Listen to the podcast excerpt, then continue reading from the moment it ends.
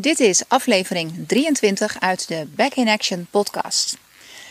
Vandaag gaat het over matigen. Genoeg is genoeg. Onze mateloosheid komt op heel veel vlakken in ons leven eh, naar voren.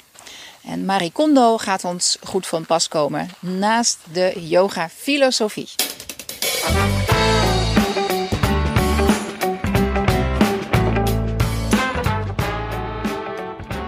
In deze vierde uit de reeks van tien gaan we in op Brahmacharya.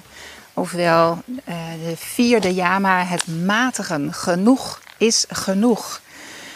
Uh, klassiek werd het vertaald als uh, het celibatair leven. geen seks, geen drugs, geen rock and roll.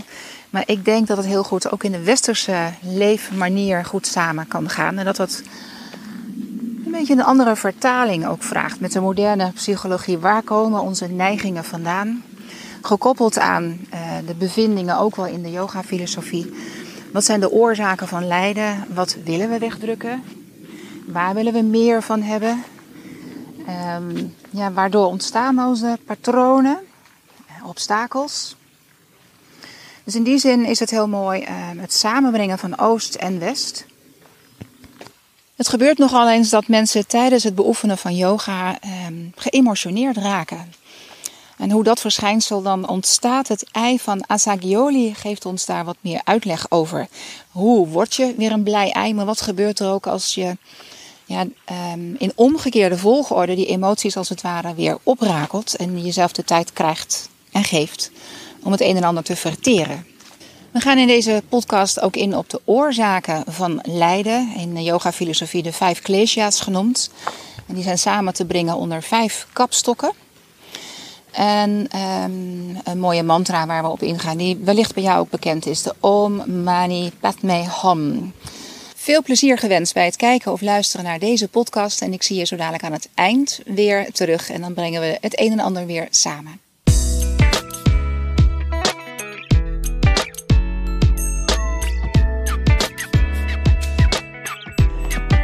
Welkom in deze vierde avond alweer in de rij. We hebben dit hele schemaatje gewoon maar even als begin. We hebben het over het achtvoudige pad.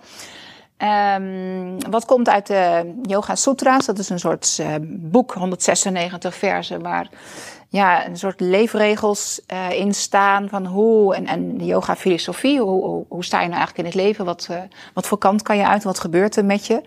En een deel daarvan is het achtvoudige pad. Met, zoals we ze hier nog een keertje hebben staan, uh, acht onderdelen die uh, uh, kunnen helpen. Dus een richting kunnen geven. Wat we meestal in de yogales gebruiken is onderdeel drie. En dat zijn de houdingen.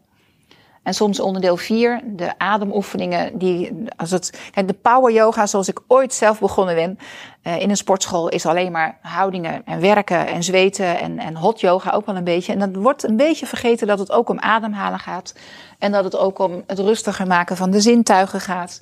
En dat het stukje concentratie en focus. Um, dus ja, deze zeven onder, of acht onderdelen, daar hebben we het over. En dan vooral die eerste twee vanavond onderdeel 4 van de Yama's. Er zijn er vijf. En dan gaat het over Brahmacharya. En dat is het beheersen, het um, controleren, het uh, matigen vooral ook. Dus in de eerste les hadden we het over uh, geweldloosheid. Dus de eerste yama. En de tweede was uh, puurheid, eerlijkheid. En de derde was niet liegen. Eerlijkheid, niet liegen. Puurheid is de tweede, dus het uh, authentiek zijn, uh, jezelf kunnen zijn. Het derde was het niet liegen. En nu hebben we het over uh, brahmacharya, ofwel onthouding of matigen, overgave. En de, ja, er is ook een vertaling, leven met God. En ik denk dat je God niet hoeft te zien als de God zoals we dat vanuit het christelijk geloof kennen, maar het goddelijke. Uh, maar wat het ook voor je mag betekenen. Overgave aan uh, ja, de voorzienigheid, uh, ik weet niet welke namen jullie daarvoor hebben, welke beelden we daarvoor hebben. Maar dingen loslaten en overgeven. Uh, omdat je voelt dat er ook een energie en kracht is die iets met jou voor heeft of zo. Een soort bedoeling met je heeft. Jij was aan het zoeken naar uh, wat is nou eigenlijk je, de, de zin van het leven. Hè? Waar had je ook alweer over? De, ja, dus het, het zoeken naar ja, wat, wat, wat heb ik nou eigenlijk voor taak hier in het leven. En er is wel iets met jou bedoeld. Ja? Als je dan overgave en matige ziet, dat dat weet ik, het past ook niet. Uh, ja. Dat vind ik een beetje tegenstrijdig klinken. Nou ja, het, ja, ja dat, dat, is, dat is mooi dat je dit noemt. We gaan kijken of dat wel een beetje een soort van bij elkaar gaat komen. Ja. Um, ik, ik heb dit bijvoorbeeld heel erg ervaren op het moment dat ik, uh, ik wilde zo graag kinderen hebben. Ik wilde zwanger worden. Dat lukte maar niet. Daar hebben we acht jaar over gedaan. En uiteindelijk, nadat we gedokterd hadden en weet ik wat allemaal. En toen dacht ik van nou weet je, het gaat niet meer lukken. Dit is het. We gaan met z'n tweeën verder. Ik heb het losgelaten. En binnen een half jaar was ik zwanger. En ik wist pas dat ik zwanger was nadat het al drie maanden op gang was. Dus toen ik het overgaf van nou oké, het gaat niet meer lukken.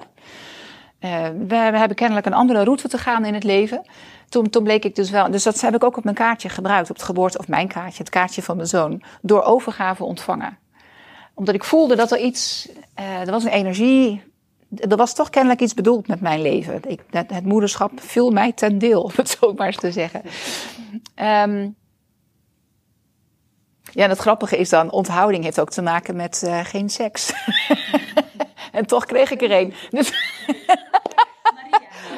Oh ja, Maria. Dat is mijn tweede naam. Grietje Maria. Dus dat zal het. Oké. Um, nou, we gaan hier verder even naar kijken. Dus het, um, ja, in, in de oude geschriften was natuurlijk uh, ja, al, al uh, de, de, geestelijken die celibaat uh, moesten zijn en onthouden van onder andere ook. Hoe spreek je het uit? Brahmakaria maak ik ervan. Brahmakaria. Bra, Brahma. Gaan we zo ook naar kijken. Wat zijn dan die Brahma is God of de energie of prana. Creative life force. Ik heb nog gezocht naar een goede vertaling ervan. Ik kan hem niet goed vinden, maar het heeft dus wel te maken met uh, de, ja, de prana, de levensenergie. En waarom dat woordje creative ervoor staat. Um, ik kan, ik kan hem niet goed in het Nederlands krijgen. Hoewel ik wel begrijp wat er staat. Ik weet niet of jullie een betere vertaling hiervoor hebben of weten. Creative life force. Eigenlijk ook weer prana of levensenergie. Vitaliteit wellicht ook. Ja, dus allemaal. Levenskracht. Ja, dat is ook een mooie. Levenskracht. Ja. Maar waarom dan creative life force? Dat kom, ik in meerdere boekjes ook tegen. Dus het woordje creative staat er kennelijk wel steeds voor. Misschien voordat je dat. Dat er veel meer mogelijkheden zijn. Ja. We, we, denken altijd. Uh, in hokjes en beperkt. Ja, en creatief kun je natuurlijk heel breed bedenken. Als je ja. je geest hebt, ben je, kan je ook heel creatief ja. zijn. Ja. Dus ja. zou ik het dan een beetje in Ja. Ja, ja, mooi. Staat creatief ook niet voor scheppen? Ja, ja. Creatief is, is ook scheppen inderdaad natuurlijk. Ja, ja. Dus het Brahma staat daar dus voor. En het Charya staat to follow. Dus volg je ja, een soort van innerlijke kracht die, die. Dat is eigenlijk jouw uh, tekst die je zojuist. Uh, ja, ja, hij is mooi. Misschien moeten we hem gewoon even voorlezen. Ja. Um, en dan kan je dus afvragen, wat geeft je energie? En wat kost je energie? En er zijn natuurlijk heel veel activiteiten die of het een of het ander zijn. Het is maar heel zelden dat dat samengaat. Activiteit waar je... Het is altijd een soort van die balans, yin en yang waarschijnlijk ook wel. Dat, uh, dat, ja, en, en hier ook the wonder of sacredness. Wat geeft je energie? En the misery of excess. Wat kost je energie?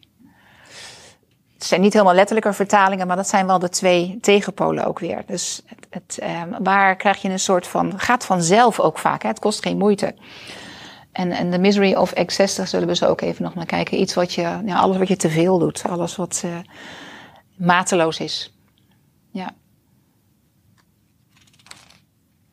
En dat, hier kan je soms al een beetje beslissingen opnemen. Hè? Krijg ik er nou energie van als ik dat ga doen, als ik daarvoor kies? Of kost het me energie? Ja. En dan mateloos. Dat kan op allerlei vlakken.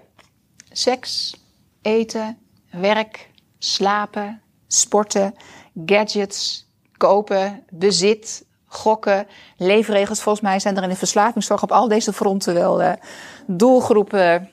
Ja, het zit een beetje in jouw uh, hokje, denk ik. Hè? En ken je de rem? Weet je wanneer het genoeg is? Um, dus dat is wat je, de Brahmacharya je waarschijnlijk ook wel een beetje, of waarschijnlijk wat je, ja, waar je een beetje gevoel voor gaat krijgen ook. Wanneer is het genoeg? Weet ik de rem te vinden? En, en wat gebeurt er eigenlijk als ik uh, maar doorga en eindeloos dat mateloze? Dus niet weten tot hoe ver. Waar zit dan de, wat wil je eigenlijk verbloemen of wat wil je naar je toe halen?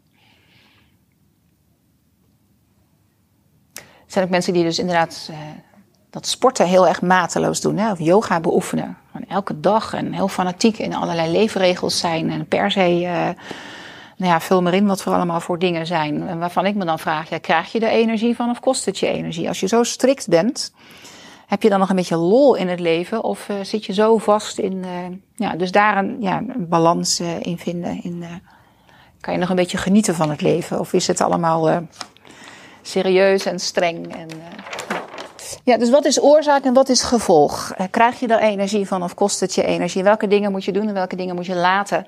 En, um, het grappige was, toen ik hier weer over ging lezen, kwam het, de, de, de training die ik ooit in België heb gevolgd, de Vini-yoga-opleiding. Dan had ik een, eh, een docent die echt heel veel wist op het gebied van de Yoga Sutras. Ik heb de map er nog weer eens bijgehaald.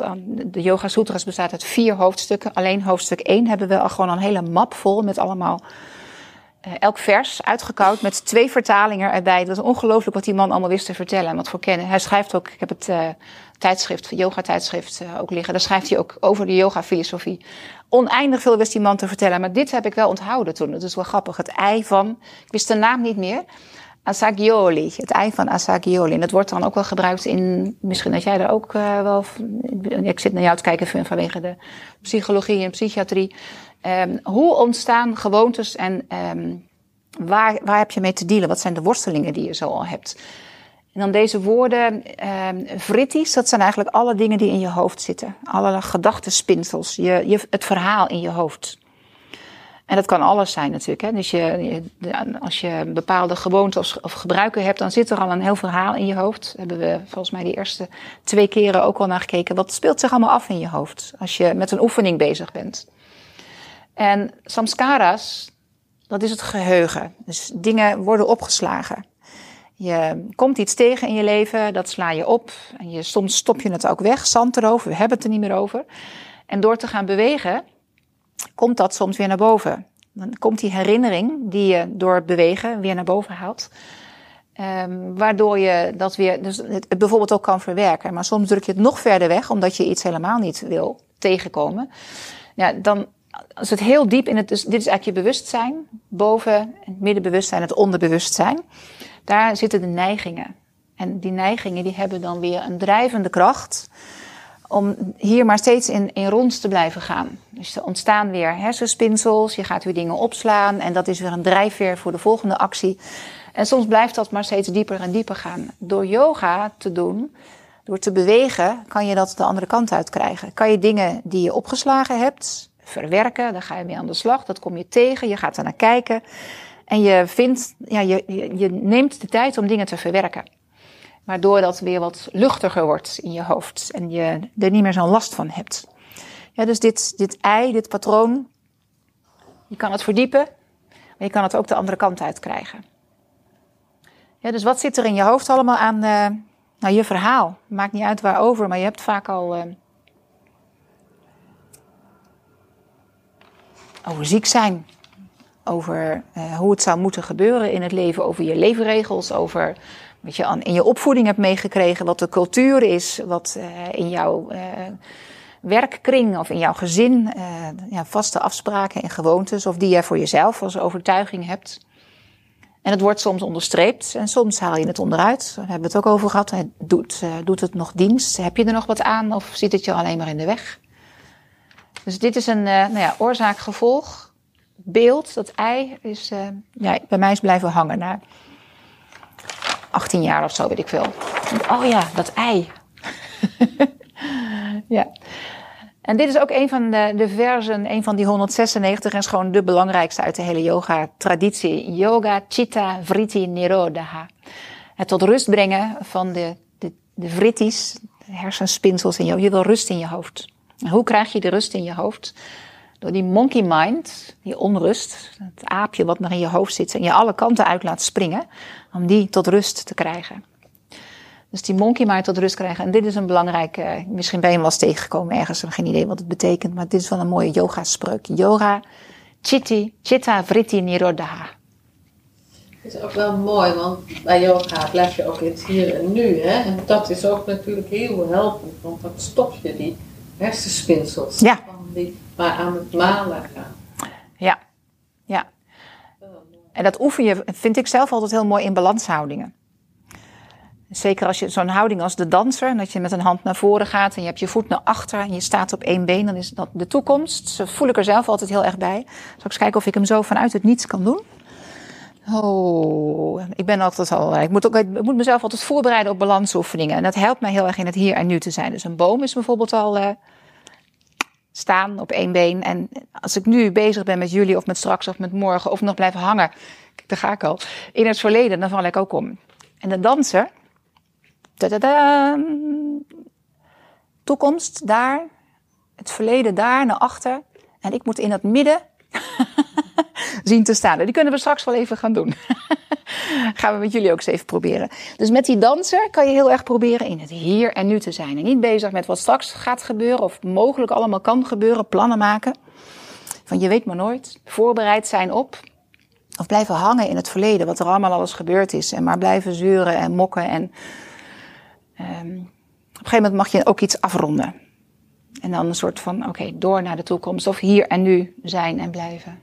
Ja. Een oorzaak van het lijden.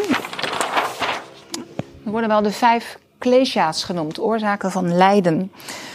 Waar leid je nou eigenlijk aan en waar komt dat nou eigenlijk door? Ook weer mooie termen. Ehm, ik heb ze maar wel weer opgeschreven, hoewel we er waarschijnlijk niks mee kunnen, want het blijven een soort abstracte termen. Maar dan van daaruit komen dan weer de Engelse vertalingen en van daaruit de Nederlandse vertaling. Avidha is de eerste klesha en dat is de waan. Ehm, het, het verhaal wat je hebt of waar je soms ook in vastzit. De hypnotische stand waarin we nu in de coronatijd denk ik ook met heel veel mensen zitten. Welk verhaal je ook gelooft, we zitten in dat beeld en dat is onze waan. Dat is onze en dat is oorzaak van het lijden. Want welke kant je ook staat, waar je ook voor gekozen hebt, we hebben allemaal te maken met ja, de, de, gekte die er is. Het verhaal wat we in ons hoofd hebben en, en wat voor ons een soort van de waarheid is. Um, ja, dus de waan, dat is de eerste, kan oorzaak van lijden zijn. Asmita, dat is je ego of je identificatie met uh, dingen, met toestanden, met ervaringen. Hebben natuurlijk allemaal weer te maken met. Uh, ik weet niet of. Ja, ik, heb zelf dat onlangs nog even ervaren. We waren voor twee weken terug uh, de verjaardag van de tweeling van mijn vriend op bezoek. En hij wordt natuurlijk begroet als opa. Ah, opa! En ik sta daarachter en die kinderen hebben geen enkele aandacht voor mij. Ik identificeer me dan met, ja, zie, ik doe er ook helemaal niet toe. Wie ben ik hier nou eigenlijk? Maar ja, ik ben ook maar gewoon de vriendin van. Ik kan helemaal niet tegen. Ze hebben het er daarna nog even over gehad. Maar hier kwam ik dat heel erg tegen. Want word ik nou helemaal niet gezien? Ben ik nou niks? ja, dus dat is voor mij even zo'n. Dit, dit verhaal heb ik in mijn hoofd als ik hier naar kijk. Ik weet niet of jullie zelf verhalen hebben die je misschien vandaag hebt meegemaakt. Nou, jij met je fiets. Had dat nog een soort van. Uh, wat was jouw ident? Dat eerste, dat heb ik ook wel. Dat is dat je echt pijn kan hebben. Uit fietsje gewoon. Deze? Kan je dat verder toelichten? Nou, ik had dus uh, kiespijn. Ja? En dan ga je, normaal ga je naar de tandarts. Ja. Dat doe je ook. De tandarts die zegt. Er zit niks. Vinden. Ja, ja, ja. ja.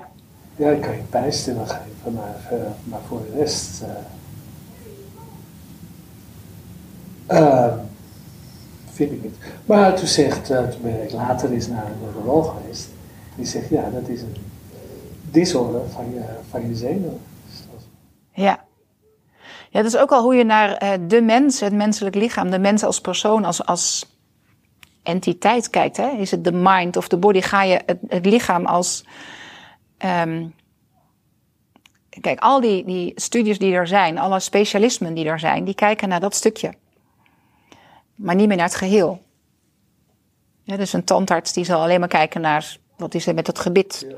Die kijkt niet naar wat is er in, in die hele persoon aan de gang. Um, dus het, de, het, ja, de mind-body connectie, het, het, geheel, wordt vaak um, ja, over het hoofd gezien. Ja. Ja. Maar je kan dus echt wel lijden. Je kan echt pijn hebben. Echt lichamelijke pijn. Als je, dus uh, als je het over de oorzaak van lijden hebt Of die, uh, ja, en wat dan... Wat we vervolgens dan ook hiermee eh, hebben. Kijk, er zijn situaties of dingen of eh, producten die we niet genoeg kunnen krijgen. Die willen we wel steeds meer hebben. Aantrekken, verzamelen, een groot verlangen. Maar er zijn ook situaties, producten, dingen die we niet willen. Uit ons leven. Dus pijn is er één van, dat wil je niet. Dus wat doen mensen vaak? Ze gaan dat onderdrukken met pijnstilling. Uit de weg, of situaties uit de weg gaan. Ehm, ja, dus deze, dit, dit zijn een soort van tegenpolen. Maar allebei veroorzaken ze veroorzaken van het lijden. Ehm, en dan kan je inderdaad nog be- bedenken van, ja, denk, het is wel een mooie dat je dat hier naartoe trekt inderdaad. Want pijn kan ook iets zijn wat je je inbeeldt of juist wel is. Nee, die, die gevoelens die zijn echt. Ja, De pijn Ja. is helemaal echt. ja, Maar de pijn komt niet daar vandaan waar, eh, ja, waar het is. ja, En, en het is te onderdrukken. Ik heb dat met yoga, heb ik dat te onderdrukken. ja. En dan heb je ook weer, ehm, ja, wa- waar, kijk, het, het zit natuurlijk voor een heel belangrijk deel wel in je hoofd. Niet dat die pijn er niet echt is, maar hoe je het beleeft en, en wat het eh, allemaal voor. Ook daar zit weer een heel verhaal achter. En het, het herprogrammeren van het hele verhaal in je hoofd zit een heel is een interessante. Ja, Er zit een heel verhaal achter. ja, Dus ze zeggen dan, eh, je hebt een emmertje en het vult, vult, vult, vult, vult. Ja, en op een ja. ja. En ergens, de zwakste schakel, daar gaat het. eh, ja, ja. En de vijfde is abhineveja, de angst. Dus we hebben de waan, we hebben de identificatie, we hebben het meer, meer, meer, meer. Kom maar, kom maar, kom maar. En juist wegduwen, wegduwen, wegduwen.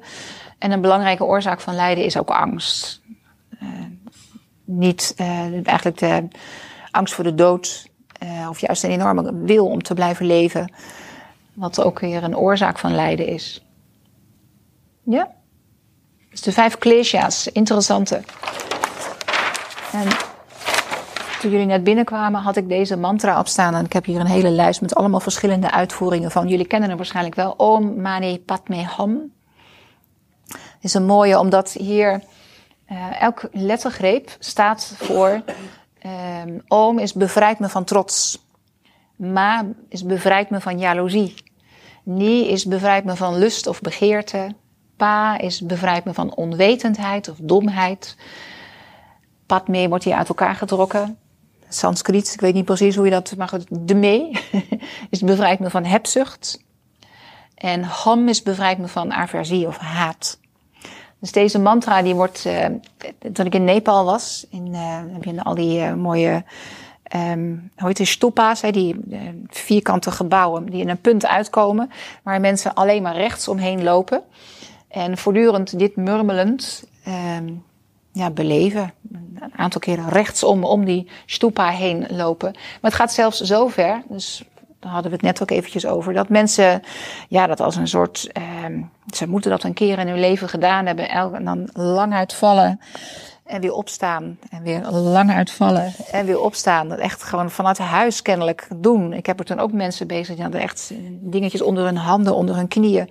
Zelfs oudere vrouwen die dat helemaal deden en dan zo om die stoppen heen. Het ziet er echt uit dat je denkt, mens, stop alsjeblieft. Maar dat is zo vol overgave en zo, ja, ik weet niet precies wat ze erbij voelen, maar ehm, ja, voor mij gaat dat voorbij grenzen. Maar aan de andere kant is het ook als, als het je zo. Ja, als je dat kennelijk een keer zo gedaan moet hebben om daar weer vergeving uit te halen. Of ik weet niet precies hoe dat gezien wordt, erin wordt gezien. Maar deze mantra die klonk daar voortdurend. Die galmt daar over dat plein. Om mani padme hum. De hele dag door. De hele dag door. Ik heb hem zelf ook gebruikt toen ik eh, vol met pijn toch met mijn vriend eh, een berg op wilde klimmen. En denk, oh, dit doet allemaal zo zeer. En dat kan en van tevoren al denken, ik ga dan nooit komen. En elke stap was dan zo'n klank uit die mantra. En dat, ja, op de een of andere manier, je komt ook in een soort cadans. Eh, waarom doe je het? Ja, ja, ja. Dus ik, de identificatie toen ook weer met, met die mensen daar. En denk, oh ja, maar dit nu zou ik het ook zelf kunnen. Dat was inderdaad uh, daarvoor of daarna, dat kan ik me niet meer goed herinneren. Maar ik denk, oh ja, zij gebruiken dat ook. Zou dat helpen als ik dan in een ritme kom en om mani padme hom, hom mani padme hom, hom mani padme hom, hom mani. Nou, zo gaat het dan eindeloos door. Langzamer of sneller. Um, Maar het, het vertragen is sowieso al een, uh, iets wat ons kan helpen, zodat we ons tijd geven om te verwerken, om uh, te beleven en ook een soort van verwondering weer krijgen. Zoals een kind van drie jaar die op het station staat en een trein aan ziet komen. Echt voor de allereerste keer. Zie je dat nog voor je? Misschien het met je, je kind of zelf of een, dat was gezien. Hoe, mooi een klein kind iets kan beleven. Wat uh, gewoon helemaal nieuw is. En, en wij slaan heel veel dingen over. We hebben dus een schrijfcursus gedaan en dan kregen we de opdracht om gewoon eens bij een boom te gaan staan en te zien. Wordt gewoon echt vijf, vijf minuten verplicht bij een boom staan. Inderdaad, als je verplicht ergens bij stilstaat, dan zie je ineens wel veel meer. Dan zie je haast de nerven van een blad. Je, ja, je ziet ineens dingen die je normaal niet gezien zou hebben. En waar we allemaal maar aan voorbij razen. En ook dat is in yoga heel goed te beoefenen. Bijvoorbeeld de yin-yoga oefeningen. En ook het uh, zintuigen tot rust laten komen. Want de gekheid van altijd maar meer en door en prikkels en over, over, overspoeld raken met van alles en nog wat. Waardoor we, nou ja, um, ook weer andere dingen willen onderdrukken en, en weg willen hebben. Omdat we gewoon die onrust in ons lijf voelen. En dat willen wegdrinken of willen wegeten of willen wegwerken. Um, die mateloosheid die dan ook weer ergens uit voor kan komen. Ja, voort kan komen. Welke mateloosheid uh, speelt bij jullie een rol? Voor mij is het werk. ik kan gewoon daar niet in stoppen, omdat ik, ik heb constant het gevoel, ik moet het af hebben. Ik moet, nog, ik moet nog dit doen, ik moet nog dat doen. En als ik in bed lig en ik heb het gevoel van, oké, ik heb dat en dat en dat allemaal afgetikt. Hé, zo. Voldaan gevoel. Het is stuk flauwekul. Maar toch, voor mij is dat echt wel een... Uh, ja, ik ben er wel een beetje mee opgegroeid met, uh, moet wel wat gedaan hebben. Zit mij soms heel erg in de weg. Welke dingen hebben jullie? Ik wel een stukje in, uh, in mijn werk, denk ik. Ja. Ja. Ik geef in mijn werk ook ja. uh, een moreel beraad aan teams. En dan Ja. is het ook stilstaan, hè? Ja. Heel uit stilstaan. Maar dan is ook een van de deugden op een bepaald moment van matigen. Waarin, wat moet ik matigen? Ja. Ook in hulpverlenen aan. Soms wil je te veel daarin. Ja. Wat moet ik misschien matigen? Wat moet ik misschien ook wel realiseren dat ik niet altijd hulp kan geven, bijvoorbeeld. Je hoeft niet altijd te, te fixen. Ja. Dat mensen het zelf ontdekken. Ja. Ja. Nou, en goed is goed, goed is soms. Dat is ook, uh, Ja. dat vinden we ook een lastig. Het moet eigenlijk liever beter. Ja. Ja. Ja, precies. Altijd maar het beste. En als ik aan het werk ben en hulpverlener, zou het allemaal een acht moeten zijn. Terwijl die mensen misschien wel vinden dat die zes ook goed is. Van, Ja. daar zijn we dolgelukkig mee. Dan denk je, ja, wie bepaalt ook dat het een acht moet zijn? Ja, ik. Maar Ja. dat is natuurlijk onzin. En wat is jouw acht waard? Ook nog. Ja. Dat is Mijn acht waard is Ja. misschien wel net zo hoog als een zes. Ja. Ja, ook dat natuurlijk inderdaad. Ja. Ja. Ik herkende iets anders in je verhaal net. Ik eh, ehm, ben twee weken geleden naar de osteopaat geweest. En er waren heel veel emoties vrijgekomen. Eh, onder andere, ik heb heel sterk van eh, er niet bij horen, omdat ik geen Oh, ja. kinderen heb. Dus dat is, wel- sowieso wel interessant. Ja. Maar eh, normaal doe ik altijd best wel trauma yoga, s'morgens. Maar ik had ook echt even helemaal geen zin in. Maar nu je dit vertelt, denk ik van, oh, het zou juist eigenlijk dus goed zijn om die emoties te verwerken. Maar ik, ik merk dat ik nu liever... eh, Daar even niet bij kom? ja, maar nu ben ik dan weer een beetje bang omdat je dat ei net liet zien, dat ik het dus het ei. Ja, dan denk ik, oh, dat is wel interessant, dat het ook andersom dus kan gaan. Ja. Dat Ja. je daar dus dan niet echt bij wil of kan. Of... Ja. Misschien is het ook maar even dat je er niet bij wil komen. Dat je even rust in je hoofd wil hebben. Ja, het kan, ik, denk ook dat het helemaal niet erg is om dat gewoon bij tijd en wijle. Ik, als dat heel rigide gaat zijn, dat je elke dag iets moet doen, omdat het ja, dan anders niet meer klopt, dan denk ik dat we inderdaad, nou ja, wat, geeft je energie, wat, wat, wat vraagt energie. Dus soms is het volgens mij ook goed om dingen even, even te laten en eh, het ook een beetje van binnenuit te laten ontstaan. Niet omdat een ander zegt dat je het zus of zo moet doen. Nee, Ja. ja, inderdaad. Maar even laten. Ja. Even, even ja. ja, ja, ja. maar nu dacht ik juist, oh, nu zou ik het dus ja, eigenlijk nodig hebben. Nou ja, Om de- die energie misschien te laten. Met een soort open mind, wat kom je tegen? En wat heb je misschien doordat je dacht van ik heb er even geen zin aan nu? Want was je misschien ook bang voor wat je tegen zou komen? Ja, zo voelt het misschien een beetje. Ja, Ja. ja. Wel mooi dat het dan zo werkt. Dat je dat dus voelt en dus even gewoon niet doet. Ja, maar dat, dat kom ik dan nu zeg maar. Dat is dat onderbewuste. Ja. Ja, de neigingen die we hebben. Ja, ja. Ja, Maar je moet ook niet te veel aan je neigingen toegeven. ja wie ben ik om dat te zeggen? Ja. Zijn niet altijd verkeerd, denk ik. Hebt er ook niet altijd. Nee. Ja, Goed als je ze herkent. Dat zullen zijn. ja. Ik neig ernaar om stiltes op te vullen, zoals net hier. Ik denk, ja, ik heb toch een soort van, eh, we moeten jullie naar de zin maken. Dat is mijn neiging. Ik wil de mensen, ik wil mensen wel graag pleasen. Dat is helemaal niet erg als het stil is. Even een, een voorbeeldje die, die net zich voordeed. Dus neigingen, zijn neigingen altijd per se verkeerd? Dat is eigenlijk wat je zegt, hè? Nou, ik heb het zelf wel dat ik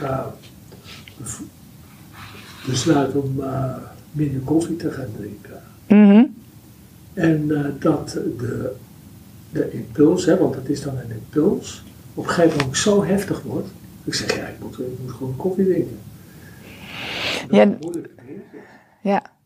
Dat is wel grappig. Is inderdaad koffie en alcohol en chocola. En wat zijn er allemaal nog meer van die... Ook nog, ook nog andere gedachten. Ja, het, zijn, het, is, het is niet Ja. alleen de, de koffie, maar het zijn ook de gedachten die, die, door je, eh, eh, die door je heen gaan. En er gebeurt daarbij ook nog wat. Dat daar ook nog een lichamelijke factor Behoefte. extra stimuleert. Hè? Ja, Want Ja. het is niet zoals bij die stiltes opvullen.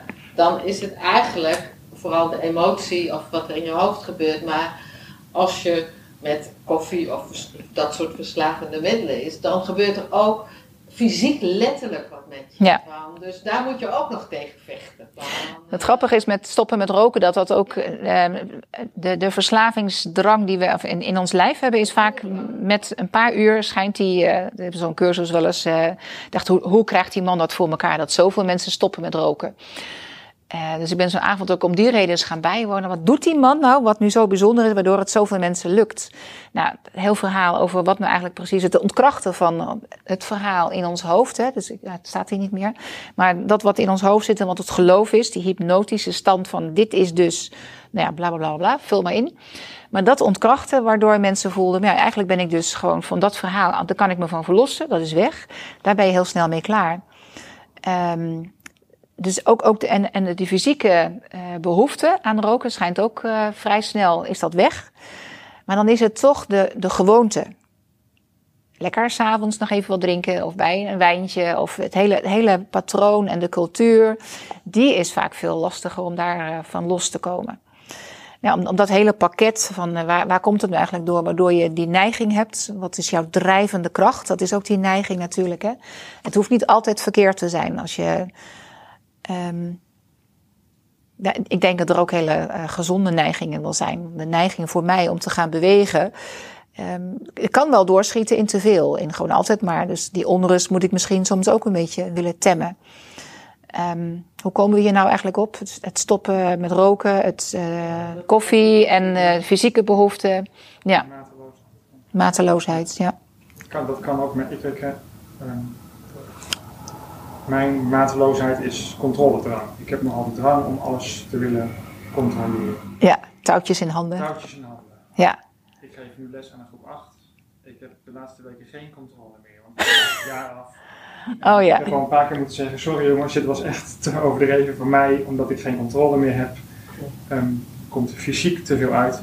Ehm, yoga kan me heel erg helpen om te zeggen: Ik geef me over aan wat er ook maar gebeurt, aan dat het soms onplezierig is of ja, ja, ehm, om die overgave te willen trainen, zeg maar. ja, En Als ik, ik ken dat in dat ei en ik zie het bij mezelf als snelweggetjes in mijn hoofd die ik dan ehm, probeer anders te maken als ik gewend ben. Zeg maar. Ik ben gewend controle te behouden, ja, maar ik wil juist leren om ehm, me ook prettig te voelen als ik geen controle heb. ja, ja. En dat het zo mag zijn. Dat je ondanks dat, waar je, waar je dan een soort van even buiten kan staan of afstand van kan nemen. Ik even terug kan stappen en kan ademhalen en kan zeggen, goed, het is prima. Ik, ik controleer het niet meer, maar het is ook goed zo. Ja. En dan los van die identificatie. Dat ook nog. ja. ja, ik herken dat het er is. Ja, ja, ja. En die herken ik ook wel, rookcontrole. Ja. Ik heb het vooral met schoonmaken. Alles moet dan schoon. Oh ja, dat heb ik. Ja, dat, dat, dat mag nog, maar. Dan is mijn hoofd ook opgeruimd, Ja, weet je wel. precies. Ja, zo werkt dat. Ja, ja. En nu moet ik soms accepteren dat ook al is het rommel, dat ik gewoon ook rustig een boek kan lezen. Oh ja. Zeg, ik, moet, ik moet dat niet accepteren, maar dat wil ik graag. Ja, ja. ja, ja. En ik herken wat jij net ook zei, dat heb ik ook wel in het verleden wel gehad, dat ik hier kwam en dan heb je ook yoga oefeningen. En ik heb ook wel even een paar maanden niet kunnen werken, maar dat die emoties gewoon loskomen, hè? want dat is een beetje wat jij net zei, Ja, je ja. de oefeningen gaan doen. Maar dat is zo hoor, dat Ja. je dan bepaalde bewegingen dichter bij je gevoel komt en, Ja. en dan ook iets kan hebben, nou niemand ze blijven niks tegen me zeggen, ik wil het niet, maar het gebeurt je wel. Hè? Ja, ja. Ja, dus dat is inderdaad al terugdraaien in dat ei, dat, dat door te gaan bewegen, je dus inderdaad eh, gewrichten wat eh, aanspreekt, waar je emoties opslaat. Dat sla je gewoon op in je lijf. En dat je dat dus in omgekeerde volgorde ook weer kan oplossen. En het gebeurt nogal eens dat mensen inderdaad ook gewoon huilen in een les.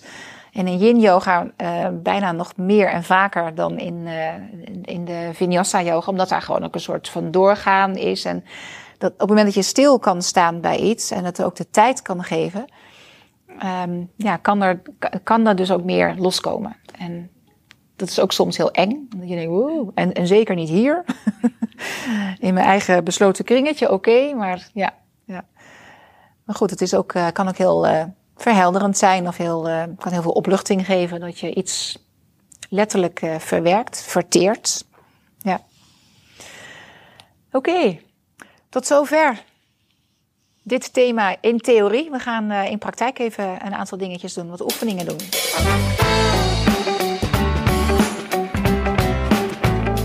Ik weet niet hoe het jou vergaat, maar ik word eh, bij elke aflevering meer enthousiast eh, op dit eh, onderwerp, de yama's en niyama's. Ik vind het zo meer en meer tot leven komen. En ik zie het ook aan de deelnemers. Ik hoor het ook terug in de commentaren dat mensen daar door de week veel mee kunnen. Ehm, ja, misschien is dat bij jou ook het geval. Spreek je waardering uit als dat er is. Geef het een duimpje, geef het een comment. Stuur me een e-mail of een WhatsApp, whatever. Laat het me weten. Ehm, heel veel succes met het matigen. Misschien neem je Marie Kondo wel in je arm en is dit eh, het moment om daadwerkelijk te gaan minderen en te gaan opruimen.